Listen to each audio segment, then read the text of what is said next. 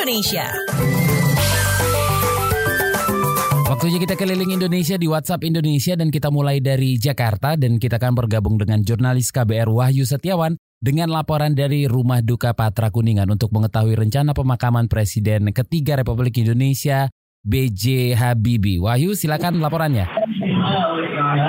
Baik, papan bunga ungkapan duka sudah tertata rapi di sekitar rumah duka almarhum Presiden ketiga Republik Indonesia Baharudin Yusuf Habibie di Jalan Patra Kuningan, Jakarta Selatan. Beberapa di antaranya datang dari Presiden kelima Megawati Soekarno Putri, bekas Panglima TNI Gatot Nurmantio, Agus Harimurti Yudhoyono, hingga Presiden Joko Widodo. Saat ini situasi rumah duka sudah dipenuhi para pelayat beberapa tokoh yang tampak tiba, di antaranya pimpinan KPK, Saud Situmorang dan Laude M. Syarif, lalu ada juga bekas Gubernur DKI Jakarta Basuki Cahayapurnama, dan saat ini tengah melayat yaitu Gubernur DKI Jakarta Anies Baswedan. Mereka mengungkapkan duka mendalam atas kepergian mendiang Habibie. Saudara, untuk prosesi pemakaman pukul 12.30 akan dimulai dengan penyerahan jenazah dari pihak keluarga kepada pemerintah. Selanjutnya pukul 13.00 jenazah akan diberangkatkan ke Taman Makam Pahlawan Kalibata.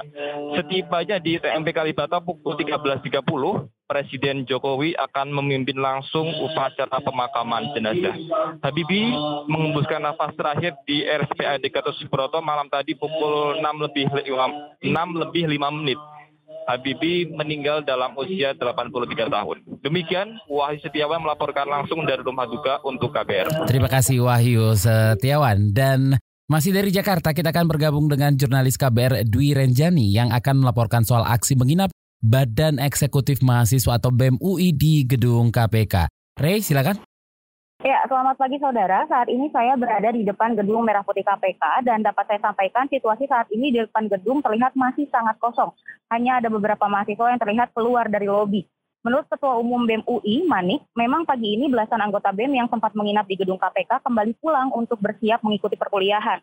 Namun menurut Manik, mereka akan kembali ke gedung KPK pada siang hari nanti untuk kembali melakukan aksinya. Sempat saya berbincang dengan Manik pada siang nanti para mahasiswa ini akan kembali menyuarakan tuntutannya kepada Presiden agar mencabut revisi Undang-Undang KPK yang dirasa melemahkan.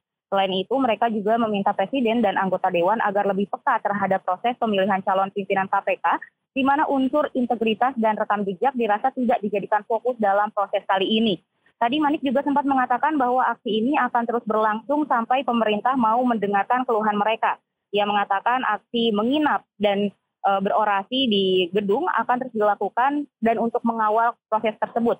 Dari gedung KPK, Dwi Renjani melaporkan. Terima kasih Dwi Renjani. Terakhir kita ke Balikpapan, di mana Gubernur Kalimantan Timur jamin pembangunan ibu kota baru Republik Indonesia tak rusak lingkungan. Selengkapnya dilaporkan reporter KBR ada Teddy Rumengan di sana. Selamat pagi, Teddy. Selamat pagi. Gubernur Kalimantan Timur Isran Nur menjamin pembangunan ibu kota baru atau pusat pemerintahan tak akan merusak lingkungan sekitar. Lokasi ibu kota baru tak akan menyentuh hutan lindung Bukit Soeharto di Kutai Kertanegara maupun hutan lindung Sungai Wain di Balikpapan. Ex Bupati Kutai Timur ini juga memastikan keberadaan ibu kota baru di Kaltim tak akan merusak Teluk Balikpapan Yang menjadi tempat hidup satwa langka. Isranur menambahkan ibu kota baru akan dibangun di atas lahan negara seluas 170 hingga 220 hektar. Namun ia tetap bungkam ketika ditanya soal lokasi rinci ibu kota baru yang berada di sebagian wilayah Kabupaten Penajam Pasir Utara dan Kutai Kertanegara. Demikian saya Teddy Rumengan melaporkan untuk KBR. Terima kasih Teddy Rumengan.